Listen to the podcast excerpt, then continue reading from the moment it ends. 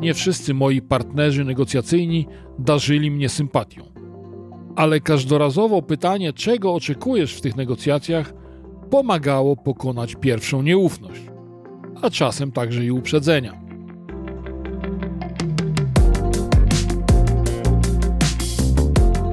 Negocjacje to droga, zwykle wspólna, czasem dość wyczerpująca.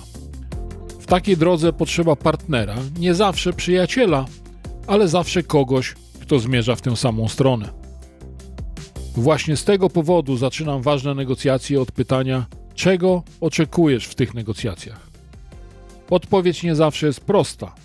Oczekiwania mogą być z różnych obszarów. Często oczekiwane są dobre warunki, czasem szybkie porozumienie, a czasem wręcz przyjemna atmosfera. Za każdym jednak razem odpowiedź pokazuje mi to, co dla drugiej strony jest istotne i daje mi szansę wypowiedzenia tego, co ważne dla mnie. Nie bez znaczenia dla przebiegu negocjacji jest fakt, że tym pytaniem druga strona czuje się doceniona moim zainteresowaniem jej oczekiwaniami. Negocjatorzy to często jednostki alfa, a w negocjacjach muszą uwzględniać interesy drugiej strony i uzgadniać każdą decyzję. A to przecież przeczy ich naturze. A jednak zwycięża pragmatyzm. Potencjał wyzwań jest oczywisty. Obie strony skupiają się jednak na potencjale korzyści i szansach, jakie rodzi współpraca. Dlatego wzajemna znajomość oczekiwań jest tu elementem kluczowym. Zrozumienie motywacji i potrzeb i celów partnerów pomaga podejmować właściwe decyzje. Dla porządku dodam, że nie wszyscy moi partnerzy negocjacyjni darzyli mnie sympatią. Ale każdorazowo pytanie, czego oczekujesz w tych negocjacjach, pomagało pokonać pierwszą nieufność, a czasem także i uprzedzenia. Współpraca oferuje korzyści obu stronom.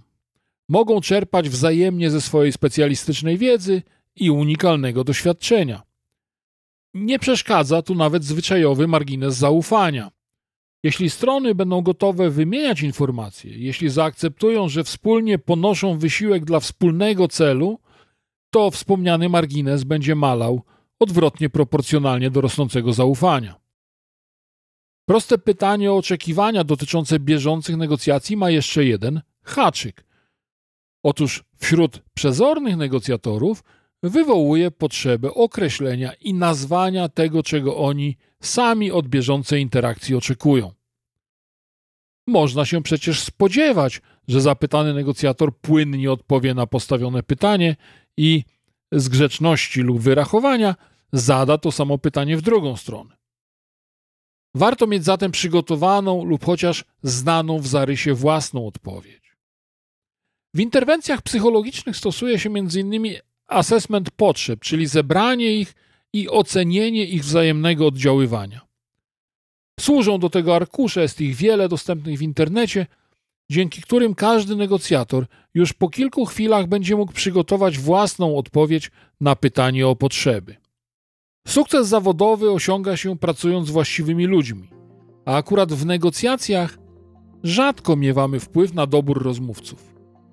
Tym istotniejsze staje się aktywne stwarzanie podstaw do harmonijnej współpracy.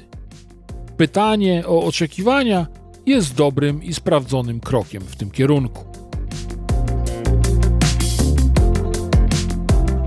Z chęcią odpowiem na Twoje pytania, jeśli wpiszesz je w komentarzach. Zapraszam Cię także do zaglądania tu od czasu do czasu. Będą się tu na pewno pojawiać nowe treści. A jeśli chcesz, to po prostu dopisz się do subskrypcji.